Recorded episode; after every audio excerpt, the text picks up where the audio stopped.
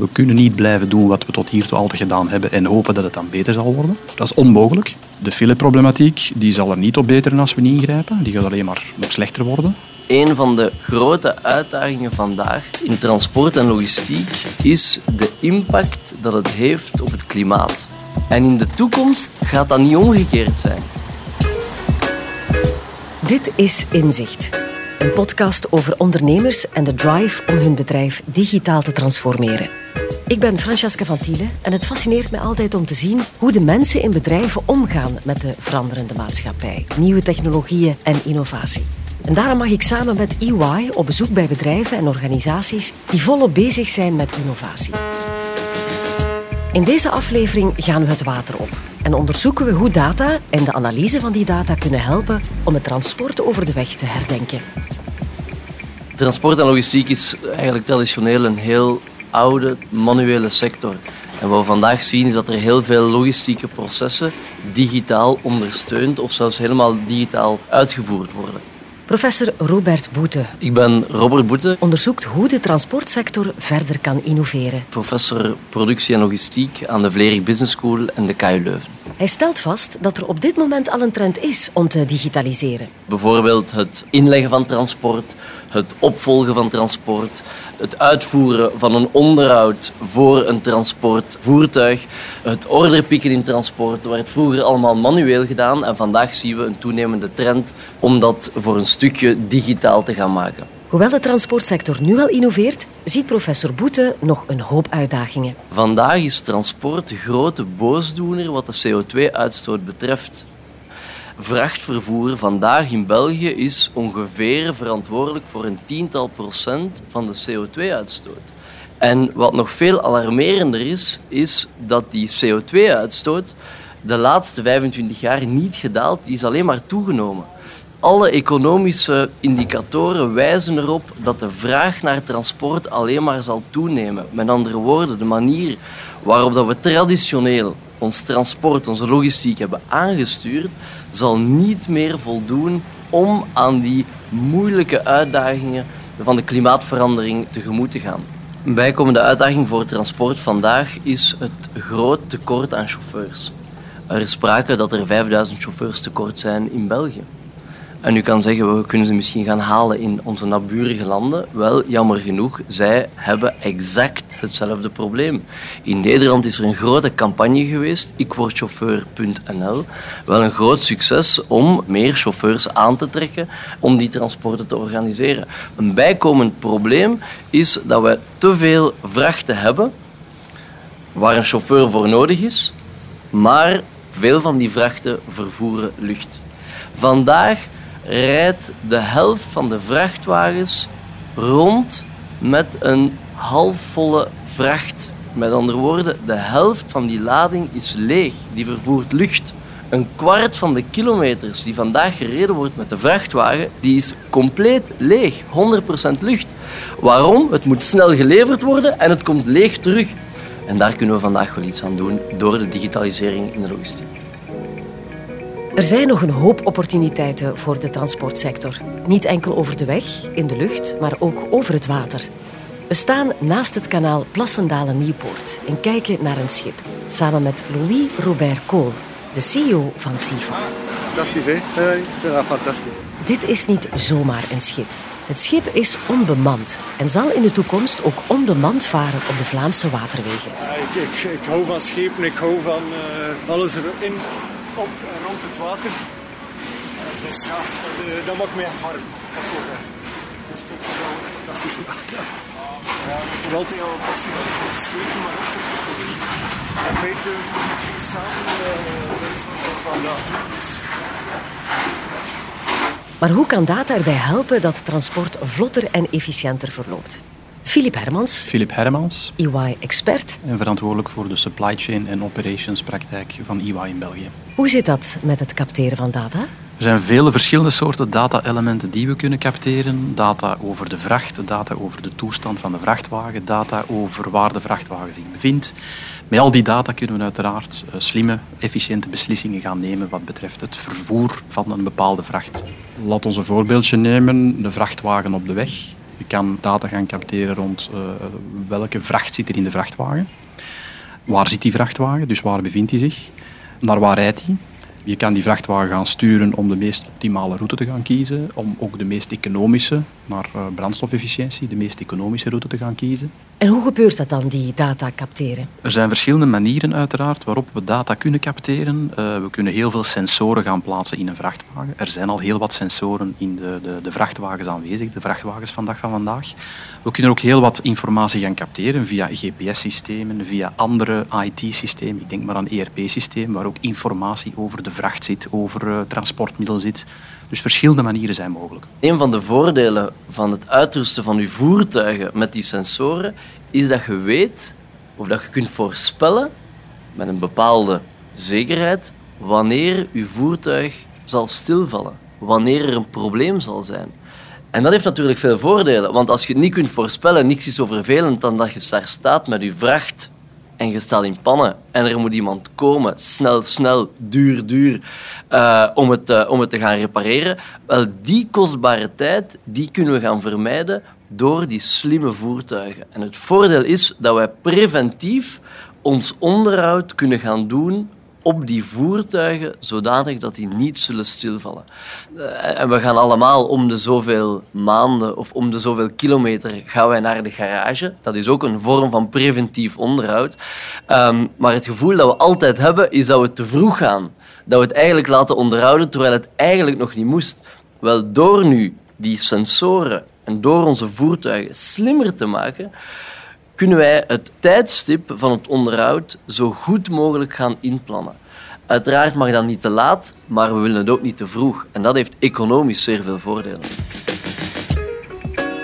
Terug naar de onbemande duwbak langs het kanaal in West-Vlaanderen. Daar wandelt CEO Louis Robert wat zenuwachtig rond. Want zijn schip staat klaar om straks voor de eerste keer van op afstand bestuurd te worden. Zonder dat er een kapitein op de boot aanwezig is. De kapitein zit in Antwerpen en ziet schermen alle hoeken en kanten van het schip dat hij van op afstand bestuurt. We zien voor ons binnenvaartschip met een zelfvaarde duwbak van 38 tot 5 meter, spitsenmaat. Die, zoals je ziet, volledig zonder stuurhut gebouwd is. En in plaats van die stuurhut hebben wij met onze onderneming SIFA technologie aan boord gebracht die het schip uh, zelfstandig kan doen varen of kan gaan aansturen vanuit dat Zoals je ziet hier, wij hebben onze eerste lading nu. Het is een kleine lading, een testlading, 85 ton zand. Dat is niet veel, vier vrachtwagens. De volledige capaciteit van het schip is 395 ton. Hij neemt ons mee aan boord van de onbemande duwbak. Pas op als je op het schip stapt. Het is vrij gladdig. Als je platte zolen hebt, dan kun je wel eens uitklimmen. In eerste instantie brengen wij een controlesysteem aan boord, die één uit hardwarecomponenten bestaat, maar ook uit software, die alles gedigitaliseerd aan boord kan overnemen alsof dat er een schip aan boord zou zijn. Tevens uh, hebben we software ontwikkeld die het schip kan aansturen.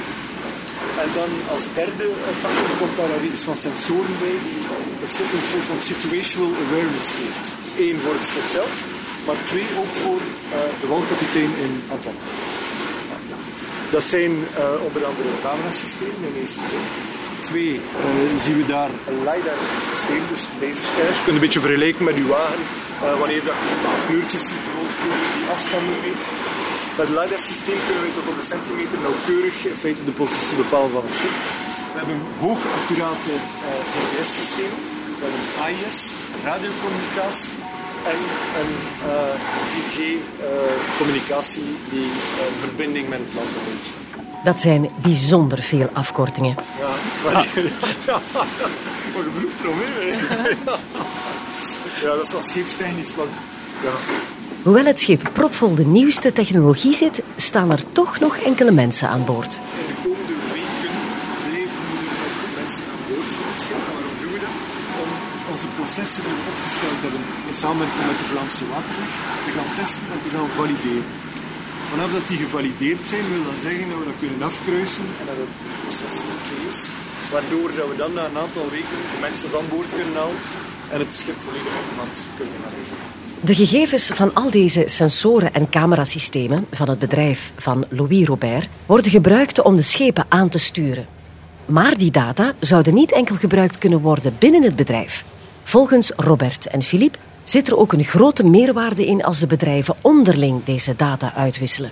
Vandaag is het mogelijk om autonoom te varen uh, dankzij al die sensoren en al die data die we gaan capteren. Dus het is geen reden om schrik voor te hebben. Je kunt alles gaan capteren wat data betreft. Het hangt er een beetje vanaf in welk stuk in de supply chain dat je zit. Dus de juiste data op het juiste moment bij de juiste partij brengen, zodat de juiste beslissing op het juiste moment genomen kan worden.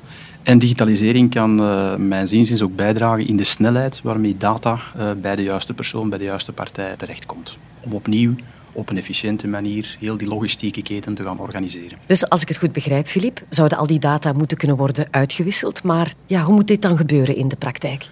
Er zijn vele manieren waarop zoiets kan. Ik denk uh, in eerste instantie zullen we veel bedrijven moeten overtuigen om net aan elkaar die data te gaan uitwisselen.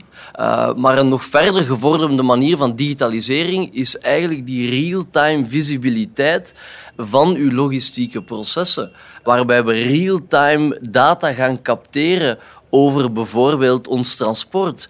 Gaan we kijken waar zit onze vloot, waar hebben we een vertraging. Uh, gaan we kijken real-time wat is de status van, um, van onze transportvloot. Moet er een, binnenkort een onderhoud gaan komen of niet? En dan komen we eigenlijk tot het principe van een digitale controletoren. Uh, net zoals in de luchtvaartmaatschappij, waarbij dat in de controletoren alles gebeurt en alle informatie bijeengebracht wordt. Uh, wel hetzelfde zien we nu opkomen in de logistiek, in het transport, het, het bestaan van die digitale controletorens, waarbij dat we real-time informatie krijgen om eigenlijk betere beslissingen te nemen in transport of logistiek. Het principe van die digitale controletoren is eigenlijk dat wij, hoe meer data we hebben, hoe beter we onze supply chain, onze logistiek kunnen gaan aansturen. Maar bedrijven daartoe overtuigen is niet zo makkelijk elke partij in heel die supply chain moet bereid zijn om data te gaan sharen. Dat gebeurt wel al in bepaalde mate, maar ik denk dat daar toch vaak een rem op zit van wat wil ik met mijn mogelijke concurrent gaan delen qua informatie. Data wordt altijd gezegd is het nieuwe goud. Wel, waarom zouden wij die dan delen met andere bedrijven? Als wij nu eens opnieuw via die digitale controletoren informatie hebben over alle vrachten van verschillende bedrijven en als we die hypothetisch zouden kunnen gaan bundelen, dan kunnen wij gebruik maken van gebundeld transport via een veel milieuvriendelijker alternatief. En dat is een andere manier van denken die eigenlijk gebruik maakt van die digitalisering in de logistiek. Dan komen we bij het zogenaamde multimodale vervoer. Dat zou de meest efficiënte en milieuvriendelijke manier zijn om de transportsector te innoveren. Hoe zie jij dat, Filip? Eh, dat is een uh, heel terechte vraag. Um, en in uh, zo'n setup van, van multimodaal vervoer is het uiteraard belangrijk dat alle partijen in de keten, uh, want vaak vertrek je dan met de eerste vracht op, op weg, uh, dus via, via het gewone vrachtvervoer, en ga je dan over naar spoor of schip. En uiteraard om die supply chain dan mooi op elkaar te laten aansluiten en die supply chain te kunnen stroomlijnen, is opnieuw data heel belangrijk. Dus dat je vrachtwagen, wanneer die toekomt aan uh, een, een, binnenhaven, dat een binnenschipper weet wat zit er in de vrachtwagen, hoe lang gaat mij dat nemen om dat te gaan laden. Uh, die een binnenschipper gaat dan naar een, uh, een station varen, dat ook daar alle informatie ter beschikking is en, en snel ter beschikking is om de juiste beslissingen te kunnen nemen. Dus ik denk ook daar weer is digitaal zowel voor binnenvaart als voor wegvervoer als voor spoorvervoer, dat is eigenlijk even belangrijk. Dus hoe pakte dat aan om bedrijven data te, te doen delen, te laten delen? Ik denk dat ze echt gaan kijken naar uh, wat zit het voor them. Dus wat zit erin voor elk bedrijf? Wat kunnen zij ermee gaan doen? Wat is het voordeel dat zij ermee kunnen gaan halen? En mee in dat verhaal trekken en mee daarvan gaan overtuigen. En dat kan vaak met een aantal beperkte pilootprojectjes om te laten zien van kijk, het werkt, kijk, er is een, een winst. En die pilootprojectjes kunnen dan een groter eh, project gaan funderen. En die data delen, waar gebeurt dit dan op dit moment? Onze Vlaamse havens, Antwerpen, Zeebrugge, zijn allebei bezig met een initiatief om verschillende partijen bijeen te brengen om data te laten delen, om hun logistiek efficiënter te laten verlopen. Dus het is wel degelijk aan de gang. Hè. In Antwerpen hebben we Nexport, is het initiatief van de digitale supply chain, de digitale logistiek, om data te laten delen tussen verschillende partijen om betere oplossingen te genereren. Een van die zaken is net het beter ontsluiten van de binnenvaart om het opnieuw te gaan promoten en om meer vrachtwagens van de weg te halen en uh, naar binnenvaart te gaan herleiden. Ook weer om op basis van data eigenlijk de capaciteit van die waterwegen optimaal te gaan benutten.